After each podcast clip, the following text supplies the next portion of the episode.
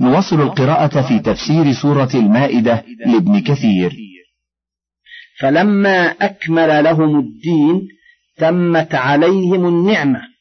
ولهذا قال تعالى اليوم أكملت لكم دينكم وأتممت عليكم نعمتي ورضيت لكم الإسلام دينا. أي فارضوه أنتم لأنفسكم. فإنه الدين الذي أحبه الله ورضيه وبعث به أفضل الرسل الكرام وأنزل به أشرف كتبه. وقال علي بن أبي طلحة عن ابن عباس قوله اليوم أكملت لكم دينكم وهو الإسلام أخبر الله نبيه صلى الله عليه وسلم والمؤمنين أنه قد أكمل لهم الإيمان فلا يحتاجون إلى زيادة أبدا. وقد أتمه الله فلا ينقصه أبدا وقد رضيه الله فلا يسخطه أبدا. وقال أسباط عن السدي نزلت هذه الآية يوم عرفة. ولم ينزل بعدها حلال ولا حرام. ورجع رسول الله صلى الله عليه وسلم فمات.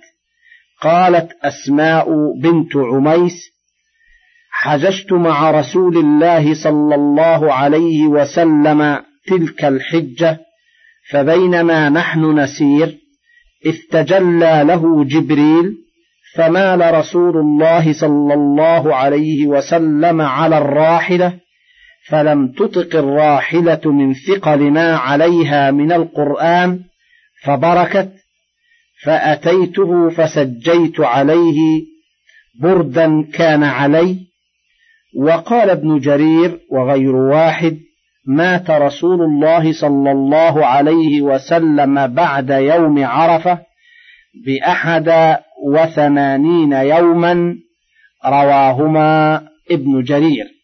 ثم قال حدثنا سفيان بن وكيع حدثنا ابن فضيل عن هارون ابن عنترة عن أبيه قال لما نزلت اليوم أكملت لكم دينكم وذلك يوم الحج الأكبر بكى عمر. فقال له النبي صلى الله عليه وسلم ما يبكيك؟ قال أبكاني أن كنا في زيادة من ديننا فأما إذا أكمل فإنه لم يكمل شيء إلا نقص. فقال صدقت. ويشهد لهذا المعنى الحديث الثابت إن الإسلام بدأ غريبا وسيعود غريبا فطوبى للغرباء. وقال الإمام أحمد حدثنا جعفر بن عون حدثنا أبو العميس عن قيس بن مسلم عن طارق بن شهاب قال جاء رجل من اليهود إلى عمر بن الخطاب فقال يا أمير المؤمنين إنكم تقرؤون آية في كتابكم لو علينا معشر اليهود نزلت لاتخذنا ذلك اليوم عيدا. قال وأي آية؟ قال قوله اليوم أكملت لكم دينكم وأتممت عليكم نعمتي. فقال عمر والله إني لأعلم اليوم الذي نزلت على رسول الله صلى الله عليه وسلم والساعة التي نزلت فيها على رسول الله صلى الله عليه وسلم. عشية عرفة في يوم جمعة. ورواه البخاري عن الحسن بن الصباح عن جعفر بن عون به. ورواه أيضا مسلم والترمذي والنسائي أيضا من طرق عن قيس بن مسلم به ولفظ البخاري عند تفسير هذه الآية من طريق سفيان الثوري عن قيس عن طارق قال قالت اليهود لعمر إنكم تقرؤون آية لو نزلت فينا لاتخذناها عيدا. فقال عمر إني لأعلم حين أنزلت وأين أنزلت وأين رسول الله صلى الله عليه وسلم حيث أنزلت؟ يوم عرفة وأنا والله بعرفة قال سفيان وأشك كان يوم الجمعة أم لا. اليوم أكملت لكم دينكم الآية. وشك سفيان رحمه الله إن كان في الرواية فهو تورع حيث شك هل أخبره شيخه بذلك أم لا؟ وإن كان شكا في كون الوقوف في حجة الوداع كان يوم جمعة فهذا ما أخاله يصدر عن الثوري رحمه الله فإن هذا أمر معلوم مقطوع به لم يختلف فيه أحد من أصحاب المغازي والسير ولا من الفقهاء. وقد وردت في ذلك أحاديث متواترة لا يشك في صحتها. والله أعلم. وقد روي هذا من غير وجه عن عمر. وقال ابن جرير حدثني يعقوب ابن إبراهيم حدثنا ابن علية أخبرنا رجاء بن أبي سلمة أخبرنا عبادة بن نسي أخبرنا أميرنا إسحاق قال أبو جعفر بن جرير هو إسحاق بن حرشة عن قبيصة يعني ابن أبي ذئب قال قال كعب لو أن غير هذه الأمة نزلت عليهم هذه الآية لنظروا اليوم الذي أنزلت فيه عليهم فاتخذوه عيدا يجتمعون فيه. فقال عمر أي آية يا كعب؟ فقال اليوم أكملت لكم دينكم. فقال عمر قد علمت اليوم الذي أنزلت والمكان الذي أنزلت فيه نزلت في يوم الجمعة ويوم عرفة وكلاهما بحمد الله لنا عيد. وقال ابن جرير حدثنا أبو كريب حدثنا قبيصة حدثنا حماد بن سلمة عن عمار هو مولى بني هاشم أن ابن عباس قرأ اليوم أكملت لكم دينكم وأتممت عليكم نعمتي ورضيت لكم الإسلام دينا. فقال يهودي لو نزلت هذه الآية علينا لاتخذنا يومها عيدا. فقال ابن عباس فإنها نزلت في يوم عيدين اثنين يوم عيد ويوم جمعة. وقال ابن مردوي حدثنا أحمد بن كامل حدثنا موسى ابن هارون حدثنا يحيى ابن الحماني حدثنا قيس بن الربيع عن إسماعيل ابن سليمان عن أبي عمرو البزار عن ابن الحنفية عن علي قال نزلت هذه الآية على رسول الله صلى الله عليه وسلم وهو قائم عشية عرفة. اليوم أكملت لكم دينكم. وقال ابن جرير حدثنا أبو عامر إسماعيل ابن عمرو السكوني حدثنا هشام بن عمار حدثنا ابن عياش حدثنا عمرو بن قيس السكوني أنه سمع معاوية ابن أبي سفيان على المنبر ينتزع بهذه الآية اليوم أكملت لكم دينكم. حتى ختمها فقال نزلت في يوم عرفة في يوم جمعة. وروى ابن مردويه من طريق محمد بني إسحاق عن عمرو بن موسى ابن دحية عن قتادة عن الحسن عن سمرة قال نزلت هذه الآية اليوم أكملت لكم دينكم وأتممت عليكم نعمتي ورضيت لكم الإسلام دينا. يوم عرفة ورسول الله صلى الله عليه وسلم واقف على الموقف فأما ما رواه ابن جرير وابن مردويه والطبراني من طريق ابن لهيعة عن خالد بن أبي عمران عن حنش بن عبد الله الصنعاني عن ابن عباس قال ولد نبيكم صلى الله عليه وسلم يوم الاثنين وخرج من مكة يوم الاثنين ودخل المدينة يوم الاثنين وفتح بدرا يوم الاثنين وأنزلت سورة المائدة يوم الاثنين اليوم أكملت لكم دينكم ورفع الذكر يوم الاثنين فإنه أثر غريب وإسناده ضعيف وقد رواه الإمام أحمد حدثنا موسى ابن داود حدثنا ابن لهيعة عن خالد بن أبي عمران عن حنش الصنعاني عن ابن عباس قال ولد النبي صلى الله عليه وسلم يوم الاثنين واستنبئ يوم الاثنين وخرج مهاجرا من مكة إلى المدينة يوم الاثنين وقدم المدينة يوم الاثنين وتوفي يوم الاثنين ووضع الحجر الأسود يوم الاثنين. هذا لفظ أحمد. ولم يذكر نزول المائدة يوم الاثنين فالله أعلم.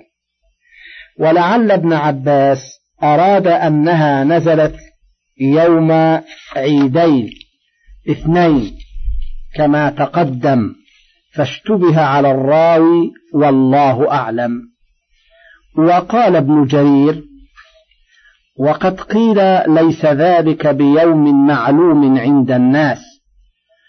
ثم روي من طريق العوفي عن ابن عباس في قوله اليوم أكملت لكم دينكم.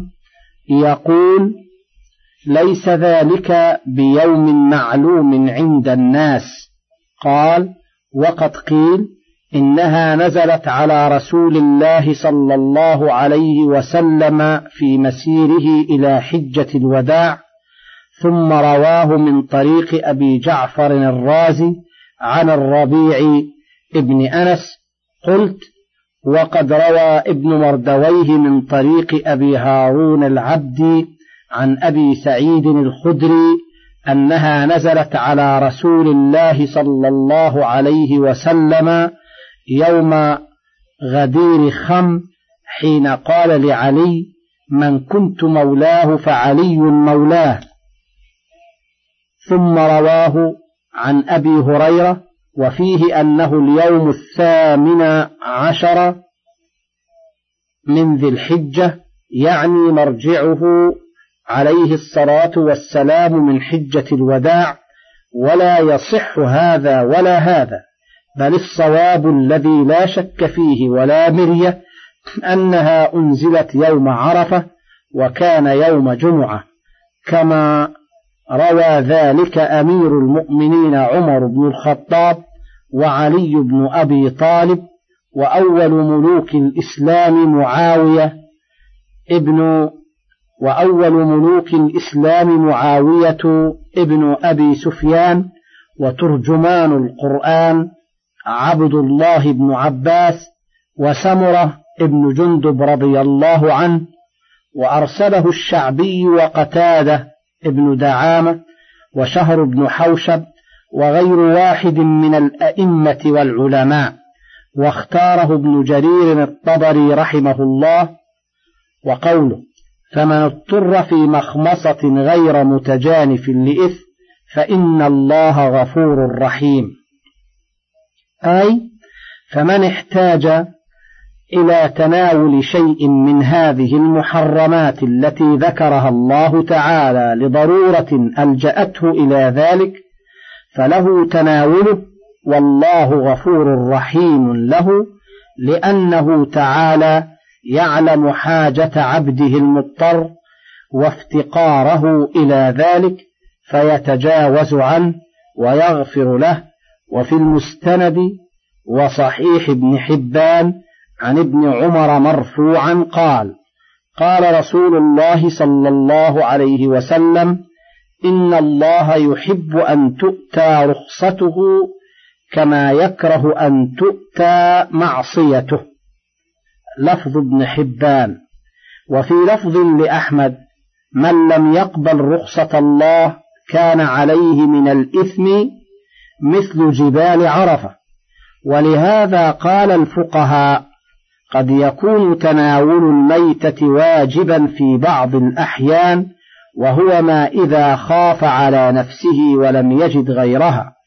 وقد يكون مندوبا وقد يكون مباحا بحسب الأحوال واختلفوا هل يتناول منها قدر ما يسد به الرمق أو له أن يشبع أو يشبع ويتزود على أقوال كما هو مقرر في كتاب الأحكام.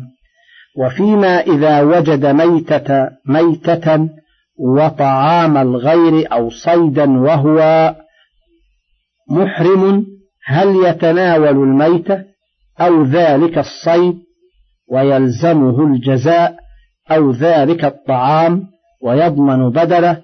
على قولين هما قولان للشافعي رحمه الله. وليس من شرط جواز تناول الميتة أن يمضي عليه ثلاثة أيام لا يجد طعاما كما قد يتوهمه كثير من العوام وغيرهم. كما يتوهمه كثير من العوام وغيرهم. بل متى اضطر إلى ذلك جاز له. وقد قال الإمام أحمد حدثنا الوليد بن مسلم حدثنا الأوزاعي حدثنا حسان بن عطية عن أبي واقد الليثي أنهم قالوا يا رسول الله إنا بأرض تصيبنا بها المخمصة فمتى تحل لنا بها الميتة؟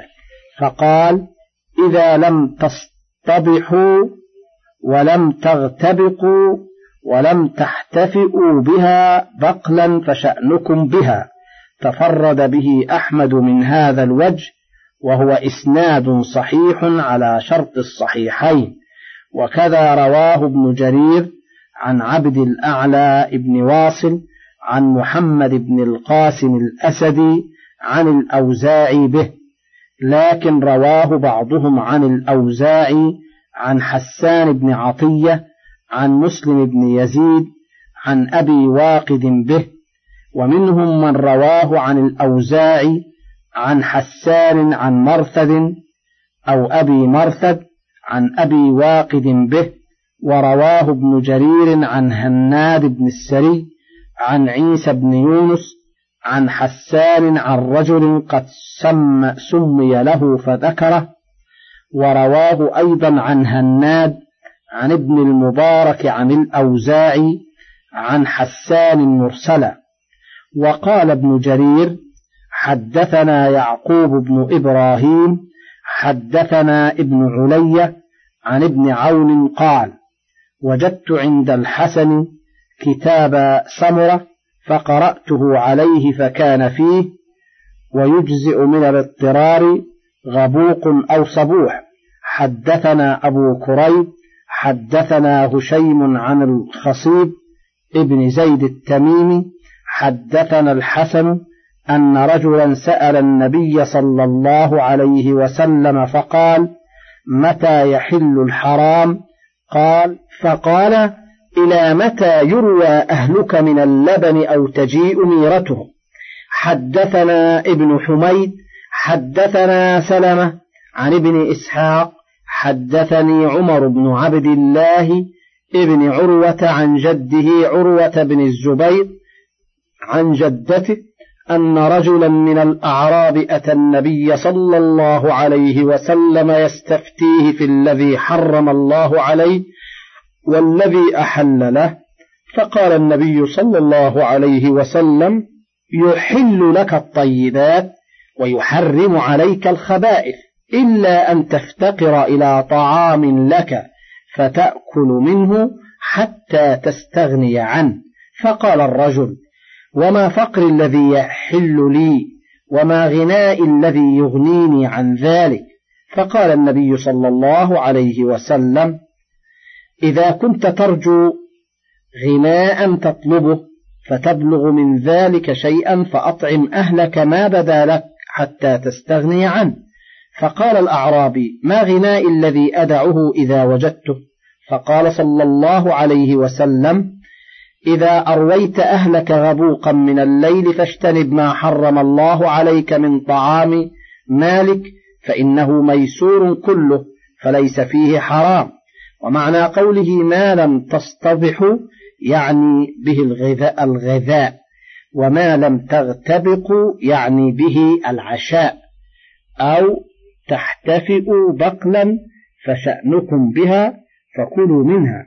وقال ابن جرير يروى هذا الحرف يعني قوله أو تحتفئ على أربعة أوجه.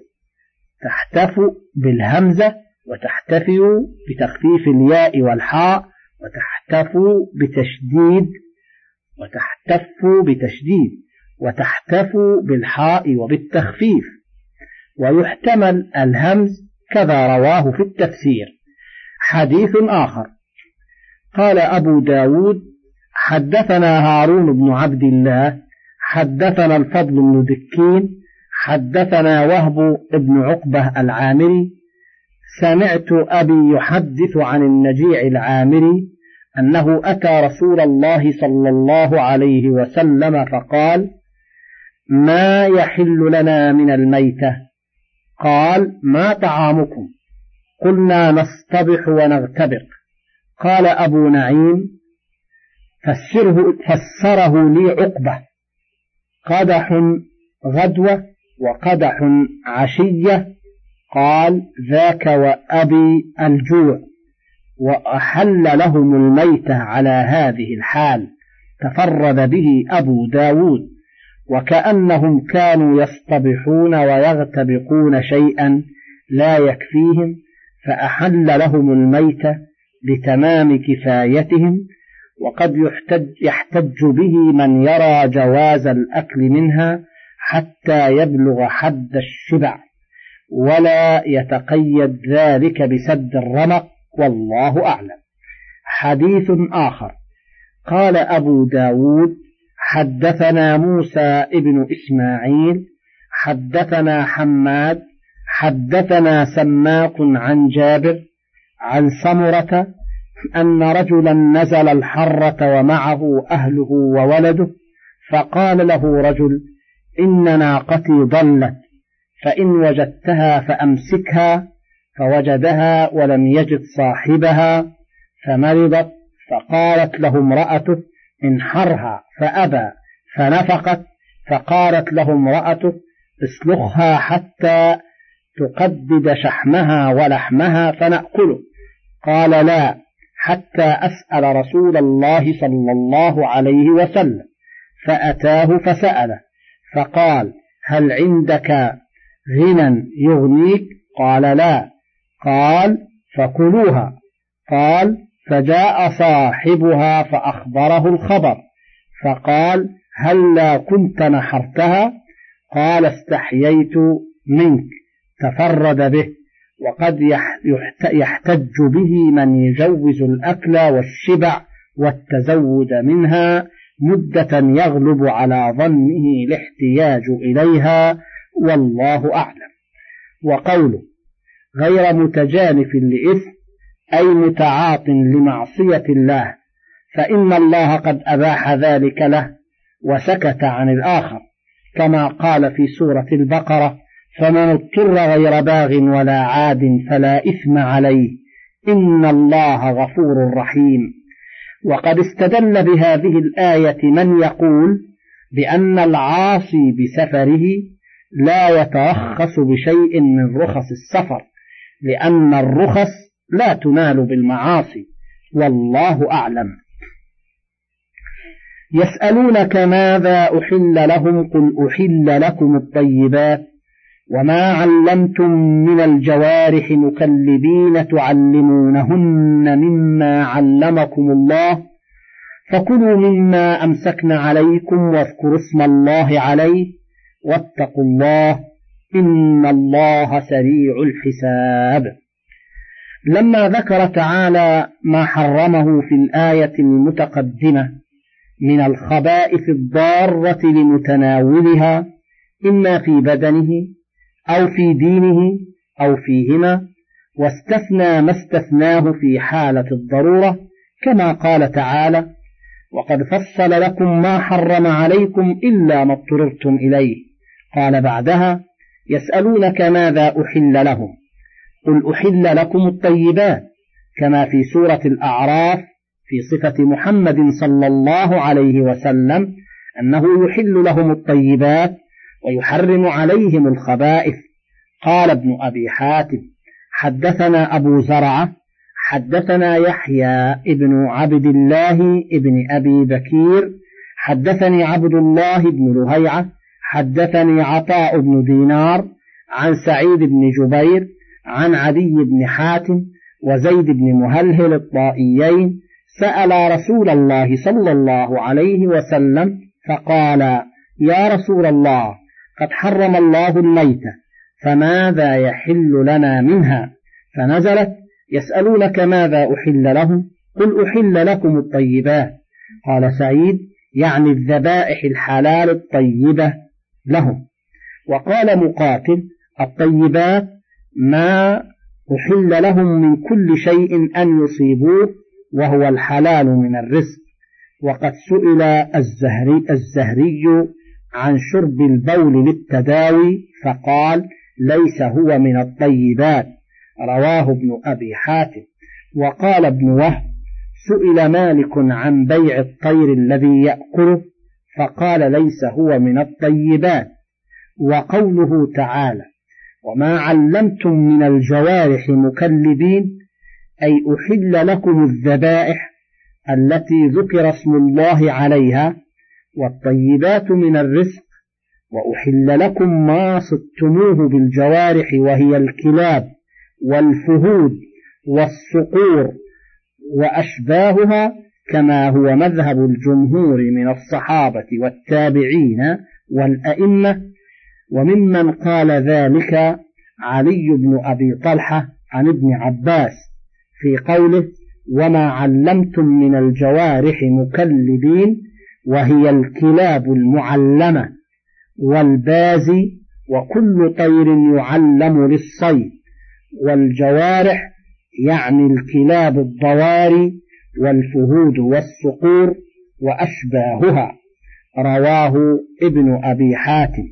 ثم قال وروي عن خيثمة وطاووس ومجاهد ومكحول ويحيى ويحيى ابن أبي كثير نحو ذلك.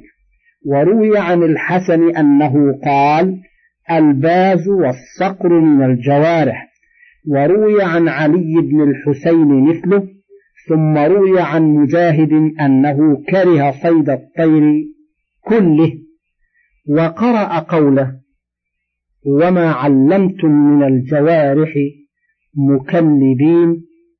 قال وروي عن سعيد بن جبير نحو ذلك ونقله ابن جرير عن الضحاك والسدي ثم قال حدثنا هناد حدثنا ابن أبي زائدة أخبرنا ابن جريج عن نافع عن ابن عمر قال أما ما صاد من الطير البازات وغيرها من الطير فما أدركت فهو لك.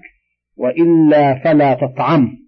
قلت والمحكي عن الجمهور أن الصيد بالطيور كالصيد بالكلاب لأنها تكلب الصيد بمخالبها كما تكلبه الكلاب فلا فرق وهو مذهب الأئمة الأربعة وغيرهم واختاره ابن جرير.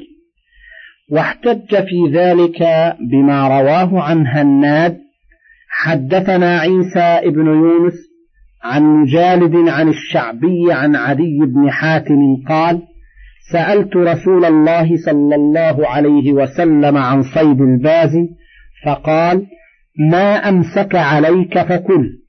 واستثنى الإمام أحمد صيد الكلب الأسود لأنه عنده مما يجب قتله ولا يحل اقتناؤه. لما ثبت في صحيح مسلم عن أبي بكر أن رسول الله صلى الله عليه وسلم قال يقطع الصلاة الحمار والمرأة والكلب الأسود. فقلت ما بال الكلب الأسود من الأحمر؟ فقال الكلب الأسود شيطان. من فضلك تابع بقية المادة.